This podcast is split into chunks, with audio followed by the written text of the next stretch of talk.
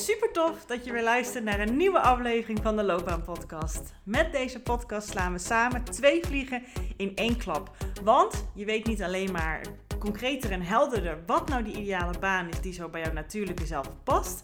Nog belangrijker is dat je ook stappen durft te ondernemen daar naartoe.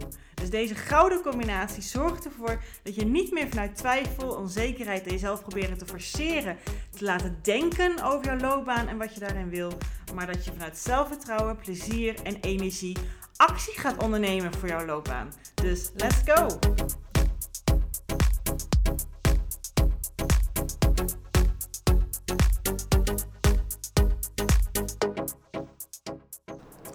Ja, ja, ja. Welkom weer bij een nieuwe aflevering van de Loopbaan Podcast. Tof dat je luistert. Uh, ja, deze nieuwe aflevering gaat er dus over. En ik deel er drie. En dat zijn in ieder geval de drie die ik deze week ben tegengekomen en die ik vaker hoor. Um, ja, wat, wat hele grote signalen zijn, tekenen zijn. Uh, dat je dus niet meer bij jouw functie, bij jouw baan uh, past. En uh, dat wil niet zeggen dat dat eerder misschien anders is geweest. Dat is in ieder geval het geval dat dat nu niet meer zo is. En um, nou ja, de een zal misschien bij jou uh, overkomen als ja, natuurlijk is dat zo.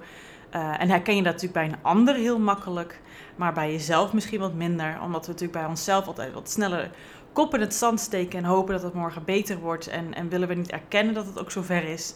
Want dat betekent natuurlijk ook dat er nou, veranderingen nodig zijn. En dat is lastig. Dat punt, dat is het ook gewoon zo. Dat zijn grote veranderingen. Je werk is natuurlijk hetgene wat je het meeste doet, meestal in ieder geval in je leven uh, als volwassene, dan slapen. Uh, en als het daar dus spaak loopt, ja, is er vaak een fase, een periode waarvan je dan uh, ja, het niet wil erkennen dat ja, het eigenlijk al zover is. Dus niet om jou hier een schop mee te geven, maar ik wil je hier bewustwording op creëren. Mocht jij hier één of meerdere van deze drie redenen kennen bij jezelf, van deze signalen herkennen bij jezelf, ja, dan raad ik je aan om um, onderzoek te doen naar wat er bij jou precies speelt. En uiteraard, de uitnodiging staat altijd gewoon open en vrij naar mij toe. Als je erover wilt sparren, als je wilt kijken hoe, hoe het, of het voor jouw unieke situatie ook geldt. Um, of je erover twijfelt, of je zeker wil weten of het wel het juiste is om er echt ook stappen in te zetten. Voel je dan vrij om mij uh, te volgen op Instagram. Uh, door Judith Knophout achter elkaar uh, in te toetsen. zonder spatie of streepje ertussen. En dan kan je mij DM'en. En dan help ik jou gewoon graag. En je kan natuurlijk ook gewoon de loopbaancheck in plannen.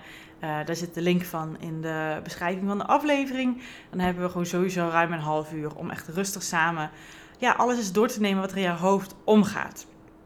Dus uh, dat kan natuurlijk sowieso. Maar ook natuurlijk als wat komende wat ik ga zeggen, um, ja, bij jou resoneert, bij jou bekend voorkomt. Of misschien iemand in je omgeving waarvan je zegt, nou, ik denk dat die deze toch echt even moet luisteren. Uit de goedheid van je hart, omdat jij gewoon makkelijk kan zien bij een ander dat het waarschijnlijk aan de hand is. En dat misschien jij net het laatste zetje geeft voor die persoon om toch echt die stoute schoenen aan te trekken en er werk van te maken. Want het is natuurlijk zo super zondig als je werk doet dat niet meer bij je past, dat eigenlijk waar je op leeg loopt, wat ja, niet het beste je naar boven haalt, wat, wat ja, ja, wederom, wat je het meeste doet in je volwassen leven naast slapen. En het is toch zonde als die tijd er niet gespendeerd wordt waar jij niet tot je recht komt, waar jij niet plezier uit haalt, waar jij geen energie uit haalt dat raakt mij gewoon. En uh, ja, dat is natuurlijk ook mijn hele uh, visie, missie, hoe je het wil noemen. Om je daarbij te ondersteunen, om dat wel weer te hebben. Want dat is voor iedereen weggelegd. En weet je, als je jezelf daar niet in ontwikkelt en voedt en steunt en stimuleert en hetgene doet daarbij wat nodig is, zodat je ook verder gaat in je werk, zodat je ook gaat ontdekken welke kwaliteit je allemaal nog meer in je hebt, wat je allemaal nog meer in je mars hebt, dat je echt van werk zoveel betekenis en voldoening kan halen, vooral door hetgene in te zetten wat bij jou goed voelt en van nature voelt.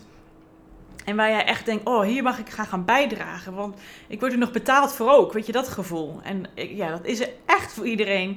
Ik ervaar het elke dag nog. Ik kreeg vanochtend nog zo'n prachtig compliment van een uh, van mijn klanten die ook uh, mijn podcast initieel luisterde en zo bij mij terechtgekomen is.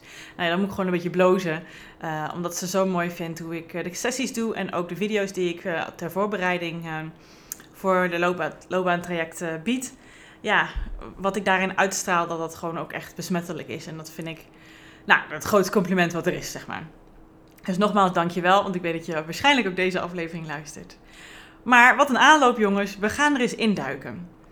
Um, nou ja, de eerste is iets wat ik in een vorige aflevering al een beetje kort heb benoemd. En dat komt ook omdat ik dus deze week daar uh, een gesprek met iemand over gehad heb. Iemand die dus binnenkort uh, nou, in ieder geval een kennismakingsgesprek met mij heeft ingepland um, voor loopbaanbegeleiding. En die benoemde, in ieder geval, ik hoorde dat in ieder geval in haar beschrijving van hoe ze nu op dit moment haar werk ervaart.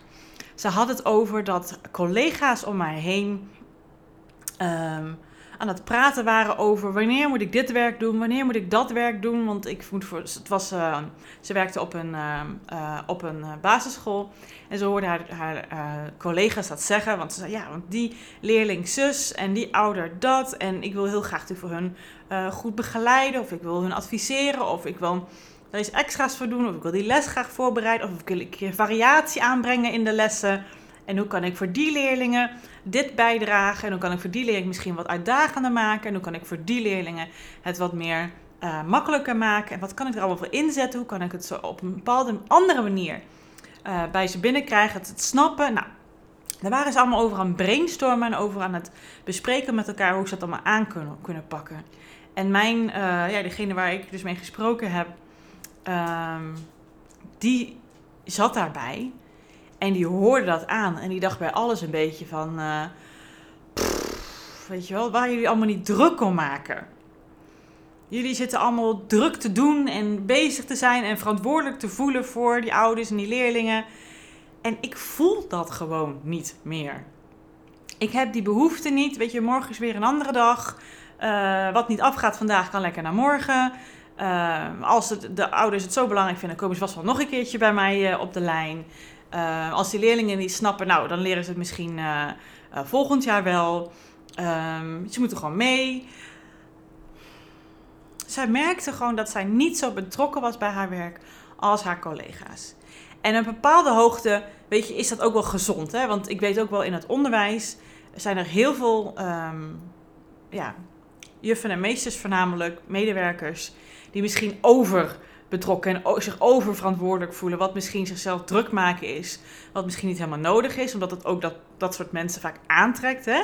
die heel graag voor andere mensen klaar willen staan en heel graag hè, van waarde willen zijn voor andere mensen en daar dus een voldoening uit halen. Dus ja, dat snap ik. Maar als er zo'n groot gat tussen zit, bedoel je, voor jou was er ook een reden waarom jou dat aantrok. En als jij daar bijna een soort van gevoel hebt van, waar, waar maken jullie je druk om mensen? Weet het is toch gewoon maar werk. En, en je wordt er bijna eigenlijk gewoon een beetje apathisch van. Dat je er met je bij zit en een beetje naar zit te kijken. En dat jij denkt, nou, uh, het zal allemaal wel. Dan geeft dat dus echt aan dat jij niet meer zo invested bent in jouw werk.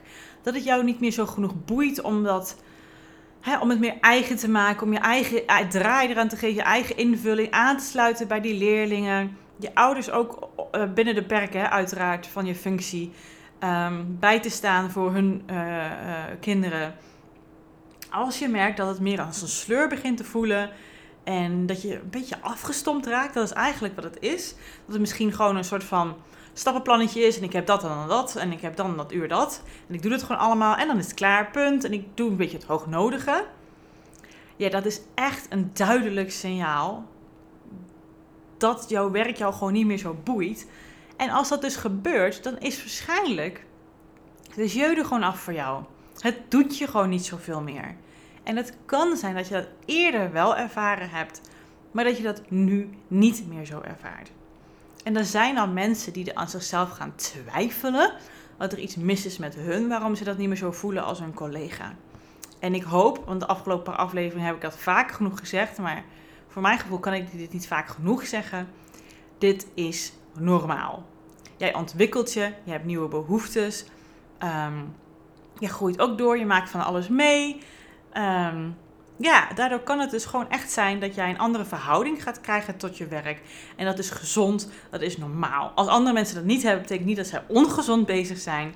Wie weet, um, kunnen zij zich binnen hun functie gewoon verder ontwikkelen. En als zij maar plezier en energie en betekenis uit hun werk halen, is alles goed. Maar dit is dus een heel groot teken dat dat bij jou waarschijnlijk niet zoveel meer is, of zeer weinig eigenlijk, dan hoe het eerder was, als het al überhaupt er was. Dus als je dit herkent, ja, is het een goede head scratcher voor jezelf om eens te onderzoeken wat in het werk is dat dan vooral, waardoor jij echt merkt, joh, weet je, boeien. Waar maak je nou druk om? Misschien zijn het delen van je werk, misschien ga je je werk dan een beetje aanpassen, maar misschien is het wel heel je werk. En dan hoop ik dat je, hmm, ja, dat serieus neemt. Dat hoop ik echt enorm. En wederom voel je vrij om dan met mij over te sparren of met iemand anders. Ehm, ja, dat dus dit met jou doet. Dat hoe jij op dit moment in jouw werk staat, dat dit aan de hand is en gebeurt. En dit wil jij natuurlijk ook waarschijnlijk niet, hè? Als je van afstandje naar jezelf aan het kijken bent. Dit is natuurlijk niet wat je niemand gunt. Als je op die manier in je werk zit, ja, dat is gewoon echt, echt zonde. Ja. Goed, ik kan er langer blijven hangen, omdat het gewoon maar echt veel doet. Maar ik wil ook heel graag nog de andere twee met jou delen. Deze tweede is iets wat misschien uh, voor jou, als jij um, ja, gewoon luisteraar bent en nog niet op deze manier naar je werk kijkt, iets heel nieuws. Maar dit is iets wat ik altijd in mijn loopbaantrajecten uh, tegenkom en ook verwerk. Het is namelijk heel vaak zo, dus onderzoek ik dus voor jezelf of dat ook bij jou zo is, is dat de rol die jij uh, aanneemt in jouw werk, en dat is vaak ook wat de functie van jou vraagt om uh, te laten zien, om uh, te uiten, om als hoofdtaken zeg maar, te hebben, dat dat heel vaak raakt met de rol die jij als kind op je genomen hebt in het gezin waar jij uitkomt. In de familie van jouw ouders, in ieder geval voogden, uh, vader, moeder, mensen die je opgevoed hebben en mogelijk ook broertjes, zusje of oudere broers of zussen. Automatisch gaan wij ons plekje zoeken in een groepje mensen. En dus ook is dat hetzelfde geval, vooral daar ga je een rol onbewust bekleden als reactie op de, ja, het systeem, de dynamiek, eh, de verbanden, de manieren van doen, manieren van zijn in, de, in het gezinnetje waar je in geboren bent. En daar heb je natuurlijk van tevoren, als je geboren wordt, al een bepaalde voorkeur in en gevoeligheid. Um, maar daar ga je vaak een rol in bekleden je hebt vaak een bepaalde reactie op of je hebt een bepaalde uh, afweermechanisme ontdekt. En ik ga zo voorbeelden geven zodat het helderder wordt. Wat eigenlijk een beetje jouw manier geworden is om met situaties om te gaan, om uh, uh, ja, dingen voor elkaar te krijgen, om aansluiting bij mensen te vinden. Um, en als dat voornamelijk gevraagd wordt in een functie, maar jij bent je ondertussen dus wederom weer verder ontwikkeld. Jij merkt eigenlijk bij jezelf dat je er niet zo warm meer van wordt als je daar complimenten over krijgt. Dat je er ook niet meer zo warm van wordt als dat voornamelijk jouw dag um, vult met dat soort. Um, hè, dat je die kwaliteiten en taken moet inzetten. En dat je eigenlijk een beetje klaar mee bent. ja, is dat ook echt een heel groot teken. En ik noem er eventjes twee. Um, ja, die zijn ook deze week voorgekomen. Uh, bijvoorbeeld, als jij van nature gewend bent dat als er iets speelt in jouw werk, of in ieder geval ook vooral vroeger toen jij een klein, uh, klein uh, jongetje of meisje was, en je merkte, er, er was iets, je wilde iets, maar je voelde misschien niet de emotionele steun van je mensen om je heen. Ja, dat klinkt misschien even wat diep, maar dat kan. En dit gaat allemaal heel erg onbewust in het proces. Dan had jij onbewust ervoor gekozen, ik ga het lekker zelf doen. Als er iets moet gebeuren, moet ik het dus schijnbaar zelf doen, want ik krijg hier geen steun. Dus um, ik zeg het even heel hard en zwart-wit, maar zo kan je het ervaren als kind. Dus ja, ik ben niet oké met deze situatie. Dus jij toont initiatief, je pakt die zelfstandigheid op, um, jij pakt de leiding. Jij zorgt ervoor dat er iets gebeurt. Misschien stuur je wel mensen een soort van onbewust aan in je familie. Of doe je dat met je vriendjes en vriendinnetjes, met je broertjes of zusjes dat jij altijd degene was die dingen bepaalde. Die ervoor zorgde dat iets gebeurde. Dat er iets actie in de tent was. Dat iets gerealiseerd werd. Dat als iemand met een probleem zat, dat jij wel even zorgde voor die oplossing. Dat jij hun ook een klein beetje ging redden daarin. Maar dat deed je ook gewoon voor jezelf. En heel vaak is het zo dat we op basis daarvan keuzes maken in onze loopbaan. Dus zowel voor studie, voor opleidingen als voor werk. Maar wederom, het is de bedoeling dat jij je verder ontwikkelt. En als je het mij vraagt, is het ook de bedoeling dat dat soort gedrag, dit als enige voorbeeld, en ik heb er zo nog eentje, ehm, dat je dat eens onder de loep neemt. Want heel vaak voelt het niet meer als een keuze om op die manier met je werk of jezelf in bepaalde situaties om te gaan. Is het zo'n manier wat je altijd doet, maar op een gegeven moment ga je merken, ik loop tegen mezelf aan. Ik loop ook in mijn functie uh, tegen dat aan. Dat dat niet altijd gevraagd wordt. Dat het niet altijd handig is dat ik daar misschien mijn eigen glazen mee ingooi. Of daarmee echt een bepaalde afhankelijkheid van andere mensen op mij heb gecreëerd. Wat ik eigenlijk helemaal niet meer gelijkwaardig vind. Ik baal daar gewoon van. Andere mensen kijken iedere keer naar mij van wat moeten we doen dan? En natuurlijk is dat bijvoorbeeld, een, hè, dat, dat zou je kunnen verwachten bij leiders, managers, um, aansturend personeel. Um, dat je aan, personeel aanstuurt, dat is dat soort rollen. Maar als het niet, als dat gedrag en die kwaliteiten die erbij horen voor jou nog hartstikke goed voelen, voel je hierbij niet aangesproken. Maar als jij merkt, dit voelt niet meer gelijkwaardig, ik wil het liever samen doen. Um, ik word er een beetje beu van dat mensen zich iedere keer afhankelijk van me opstellen. Dat ik altijd degene moet zijn die er een klap op geeft, die het bepaalt. Um, ja, dan ben jij um, klaar met jouw beschermingsmechanisme als ja, tool inzetten om jouw werk te laten slagen. Want dat is het vaak.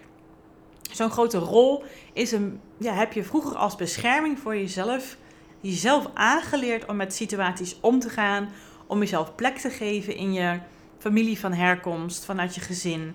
En dat hoort er allemaal bij. Iedereen pakt zo'n plek, iedereen pakt zo'n soort functie. Als er iets aan de hand is, als er iets gebeurt, dan ga je naar die automatische rol van jezelf toe. Um, en dat neem je vaak dus ook mee in je keuzes. Maar als je dus merkt dat je daar grotendeels ook je beroep omheen hebt gebouwd en het loopt gewoon niet meer lekker, je baalt ervan, je bent er een beetje klaar mee dat het, dat het nog steeds de dynamiek is waar je in zit. En het geeft jou geen energie meer, is het een hele duidelijke. Dan is het echt goed om te onderzoeken hoe kan ik mijn functie aanpassen, hoe kan ik het aankaarten, kan ik misschien een andere rol bekleden, welke wil ik dan eigenlijk precies. En hoe kan ik er dus voor zorgen dat het meer een keuze wordt dat ik dat gedrag ga vertonen en niet dat het een automatisme is. Nou heb ik ook deze week met iemand anders gesproken die ook iets vergelijkbaars had. En zij zei, ja weet je, ik ben iemand die altijd makkelijk andere mensen bijstaat, verzorgt, ondersteunt. Er voor ze emotioneel is. Nou goed, daar kan ik, herken ik ook mezelf heel erg in. Dus ik verweef mezelf er ook een klein beetje in. Ik was iemand die vroeger altijd heel erg ervoor zorgde dat mensen zich op hun gemak voelden en thuis voelden en er naar hun zin hadden. Daar deed ik alles voor. En ik steunde ook mijn moeder vooral emotioneel gezien, want dat vond ze zelf best wel moeilijk. Dus ik, ja, ik, ik was een vriendin voor haar. En vooral als zij het zelf gewoon even moeilijk had met bepaalde punten in het leven, dan was ik er voor haar. En daar coachte ik haar toen eigenlijk al in. En daar hielp ik haar in en ondersteunde ik haar in.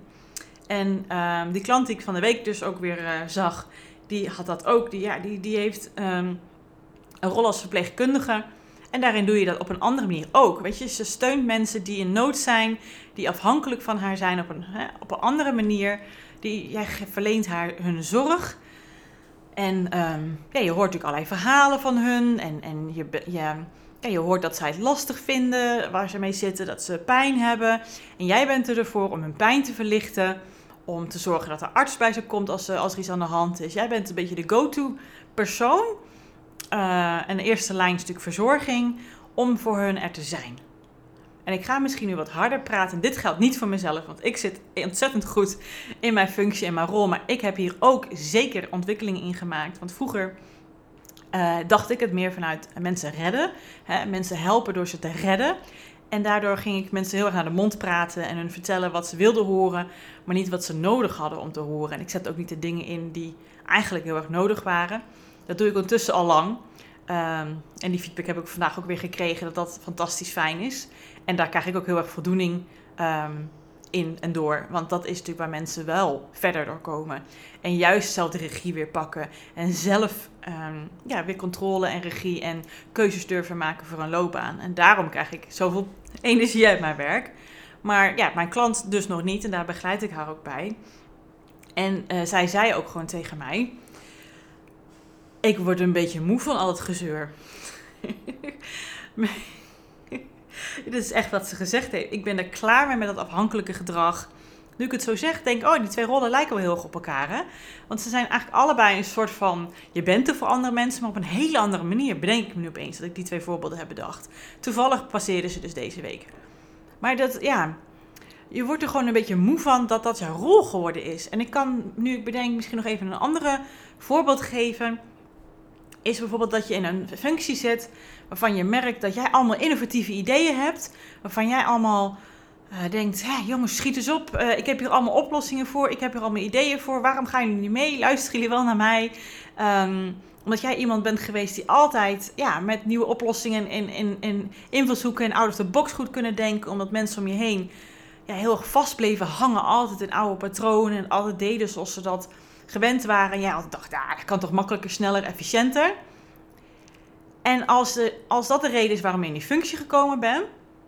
Maar mensen die willen dat helemaal niet. Ik pak hem nu even heel anders op, hè. Mensen zitten er helemaal niet op te wachten. Mensen denken, ah doe niet zo raar. Doe maar normaal, dan doe je al gek genoeg. Dit werkt toch gewoon? Dit werkt toch gewoon? En jij denkt, ja, maar dat kan toch veel beter? Het kan toch veel anders? En iedere keer krijg jij de deksel op de neus. Nou, ik kan me ook goed voorstellen dat juist wat jij dus, hè, dat is dus een hele andere kant ervan, van nature graag doet, waar jij energie uit haalt, maar jij krijgt iedere keer de deksel op je neus. Dat daar dus, dus juist niet jouw natuurlijke kwaliteiten gevraagd worden in de functie. En dat je ook echt weg, moet wezen. dat je het in ieder geval goed moet aangeven, een andere rol uh, mag bekleden, waar dat wel juist de bedoeling is dat je dat gaat inzetten.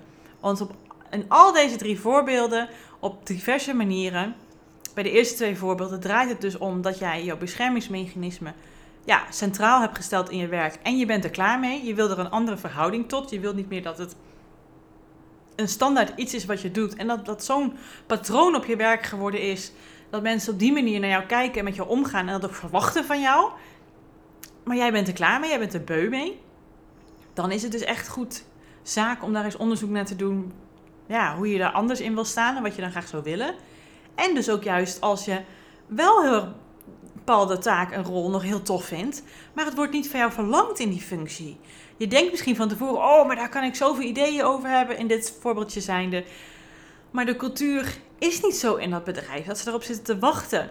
Die willen gewoon dat je lekker in de pas loopt, gewoon meedoet met iedereen, gewoon het uitvoerende werk doet. En jij vindt het fantastisch leuk om met voorstellen en ideeën en verandering te komen, maar dat wordt daar niet verlangd. En dan is het dus weer andersom. Dus dat is ook een manier. Dus hier geef ik er nog één eigenlijk, bedenk ik nu zo al pratende. Waardoor het een heel groot teken is dat jouw functie niet bij jou past. De laatste die ik nog wil meegeven is eigenlijk dat de vierde. En dat is eigenlijk een resultaat van de dingen hiervoor. Het is een gevolg ervan. Is als je lichamelijke klachten ervaart als je op je werk bent. Of als je van je werk terugkomt. Of als je aan werk denkt. Met je in je hoofd aan met werk bezig bent. En dat hoor ik heel vaak de laatste tijd ook bij mijn klanten. Dan is het eigenlijk een soort van um, ja, werkgerelateerde ziekte. En van de week sprak ik ook met iemand en die zei ook van... ik heb een beetje het gevoel dat ik een soort van midlife crisis heb... maar alleen gericht op mijn werk. Ja, ik snap dat. Want de rest van je leven, dat loopt gewoon lekker. Daar ben je tevreden mee, daar voel je je snang mee, daar kijk je voor uit, daar krijg je energie van. Maar werk niet. En dan is het natuurlijk vaak hoofdpijn, of buikpijn, of uh, duizeligheid, of, of gewoon heel veel stress, uh, druk op de borst, hyperventilatie. Nou, die heb ik ook allemaal gehad hoor. Maar bij iedereen is het wat anders. Hè? Rugpijn, heel erg moe. Ja, er zijn gewoon heel veel lichamelijke klachten die je echt serieus van werk kan krijgen. Maar waarom krijg je die? Omdat jij niet het werk aan het doen bent dat bij jou past. Punt. Jij doet werk, jij, vult jouw werk op een bepaalde manier, op dit moment in ieder geval in, dat niet meer bij jou hoort, dat niet meer bij jouw natuurlijke zelf past. Je bent tegen je eigen natuur aan het ingaan. Je bent waarschijnlijk te veel vanuit jouw beschermingsmechanismes bezig. Je bent te veel in stressstand en in de overlevingsstand, waarvan jij denkt: ja, maar dit moet toch op deze manier, zo ben ik het altijd gewend. Maar jij loopt er compleet op leeg. En alles in jouw lijf schreeuwt dat je dit anders moet gaan aanpakken. En ja, dat is lastig, dat weet ik ook. Maar dit zijn tekenen voor jou, dus jouw lijf helpt jou hierin. Dat je echt even pas op de plaats moet maken en echt even een onderzoekje mag doen. Wat is hier aan de hand? Waardoor ervaar ik dit? Waardoor krijg ik deze klachten? Wat van mijn werk is dat? En wat ben ik hier aan het doen?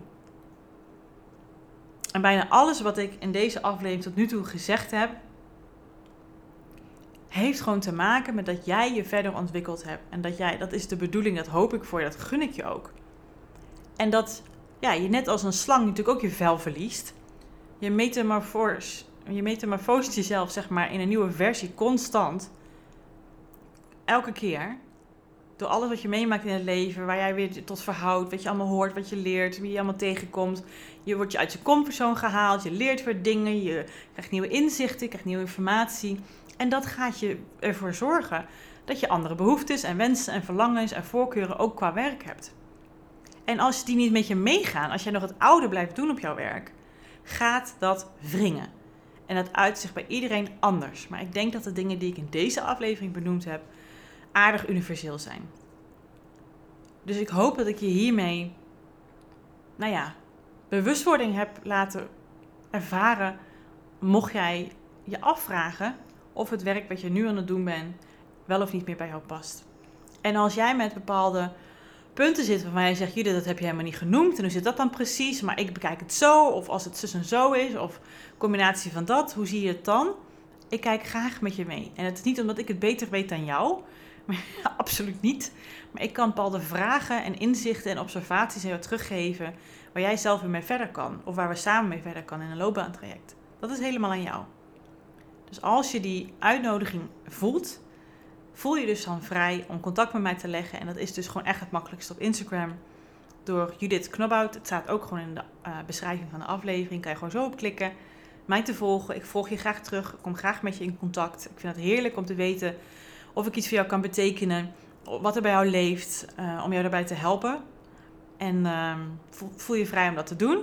Ik hoop dat je wat uit deze aflevering gehaald hebt. Ik hoop dat, dat je hier bewustwording gecreëerd hebt. Of dat je nu iemand in je hoofd hebt zitten van je zegt, die moet deze aflevering ook eens luisteren. Doe dat, want er zijn te veel mensen, in ieder geval in Nederland, die niet op een plek zitten, die dit ervaren en dan maar aan zichzelf gaan twijfelen en er maar in blijven. Dat is echt, echt, echt enorm zonde. Oké, ja? Dankjewel voor het luisteren. Um, ik hoop dat je wat uit deze aflevering gehaald hebt. Um, dat is mijn doel natuurlijk. En uh, nou ja, ik uh, maak het, neem het op op een vrijdag en morgen komt hij online. Dus ik wens jou, mocht jij hem nu luisteren in het weekend, een heel fijn weekend. En anders een hele fijne dag. En tot de volgende aflevering.